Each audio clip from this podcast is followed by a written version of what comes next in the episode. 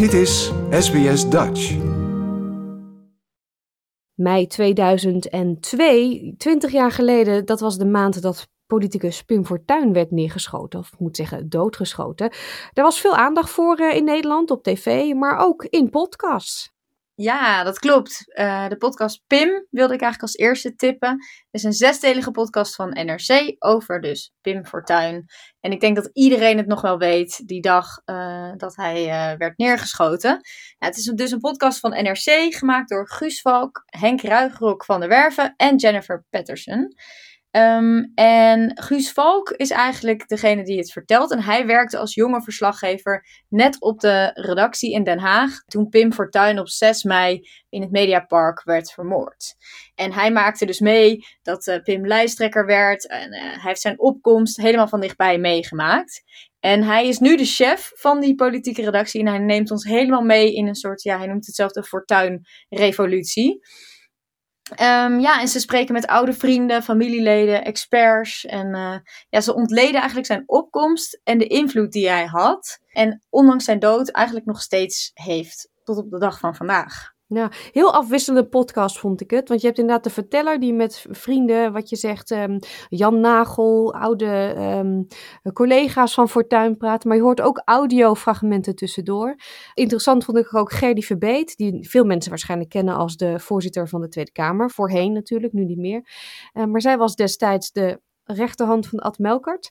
En zij vertelt ook vanuit haar beleving hoe de PvdA die hele opkomst van Fortuin heeft beleefd. Ik vond het heel interessant. Ja, ik ook. En het was ook eh, dat mooi dat je dus die politieke opkomst, maar je kreeg ook heel erg mee hoe zijn persoonlijke leven eh, ontwikkelde. Ook je hoort zijn broers en zijn familieleden, dus dat maakt het ook heel levendig. En ja, ze hebben het eigenlijk niet heel gedramatiseerd. En het is, ja, er is veel ruimte voor achtergrond. En dat vond ik heel erg bijzonder. Je leert heel veel ook over de tijdsgeest. Dus ze nemen je helemaal terug mee naar Rotterdam in die tijd. En uh, ja, dat is echt een soort, het is een soort geschiedenis, maar heel levendig verteld. Ja, en wat ik ook uh, bewonderenswaardig vond, is dat ze terugkeken op de rol van de NRC zelf. Ik bedoel, het is een podcast van NRC, maar uh, ze concluderen toch uiteindelijk ook dat zij misschien niet helemaal juist zijn omgegaan in die tijd met Pim Fortuyn. Ja, dat is een soort uh, stukje zelfreflectie. Dat vind ik ook ja. heel soort transparant en ook heel stoer dat ze dat hebben gedaan. Ja, laten we even een stukje van de trailer luisteren. Volgens onbevestigde berichten is Pim Fortuyn gestoken. 20 jaar na de politieke moord op Pim Fortuyn. Goedenavond, Pim Fortuyn is dood. Gaat NRC op zoek naar wat de politicus opbouwde? Ik vertolk iets wat veel breder en groter is dan ikzelf. En wat hij achterliet. Pim was degene die zegt, joh, de deuren moeten open, de luiken moeten open en de kussens moeten opgeschud worden. Dat was Pim van de NRC. Gaan we door met de tweede, de Vogels Podcast. Ja, we duiken de natuur in met de Vogels Podcast. En in die podcast gaan twee jeugdvrienden samen elke week op vogelsafari. En zelf ben ik niet echt een vogelspotter, maar ik vond het echt heel leuk, want die twee vrienden heten dus Arjan Dwarshuis en Gisbert van Balen. En Gisbert, die weet helemaal niks van vogels. Hij kan nog niet eens een kraai uh, van een ekster onderscheiden. En zijn vriend is dus vogelkijker, heel fanatiek. Hij is zelfs wereldrecordhouder vogels tellen. En hij heeft een boek geschreven ook over dat hij in één jaar tijd de wereld rondreisde om in totaal meer dan 6800 vogelsoorten te tellen. In 40 landen. Nou ja, hij probeert dus zijn vriend te enthousiasmeren voor het vogelkijken. En ze gaan naar het Vondelpark en ze gaan op zoek naar ijsvogels. Ze gaan naar de Veluwe, de Biesbos. En uh, ja, echt op vogelsafari. Mm. Dit kan voor mensen een beetje saai klinken. Klopt, dat snap ik. En ik dacht dat eerst ook. Maar ik vind, die jongens hebben zo'n leuke chemie. Zijn ook best wel jonge jongens. Er zit heel veel humor in. En je merkt dus dat die Gisbert gaandeweg ook steeds enthousiaster en ontroerder raakt over alle vogels die hij ziet. En je gaat helemaal met ze meeleven en denken, gaan ze de vogel zien die ze willen zien? En voor Nederlanders in Australië is het misschien ook leuk om weer even meegenomen te worden in de Nederlandse natuur uh, op die manier. Precies, dat wou ik ook zeggen. De geluiden die je hoort, dan denk je van, ah ja, een simpel musje. In Sydney zie je ze een amper, of eigenlijk niet. Die hoor je dan weer een keertje. Ja, extra. Ja, ja, ja, in Australië zijn natuurlijk de kakatoes en de bin chickens en uh, weet ik veel gewend. Maar nu ga je weer even naar de ijsvogels en de musjes. En dat is ook af en toe heel lekker om even in te duiken. Hmm. Eh, kan je zelf mee gaan doen? Want ze gaan in de eerste aflevering echt bij het begin beginnen. Hè? Ze praten over een goede verrekijker bijvoorbeeld. Ja, precies. En Arjen, de wereldrecordhouder vogelstellen, die zegt ook dat je het eigenlijk geen vogels spotten mag noemen, maar vogels kijken. Dus je begint echt helemaal eh, bij af, zeg maar. Ja, ja, ja. Laten we ook daar een stukje van luisteren.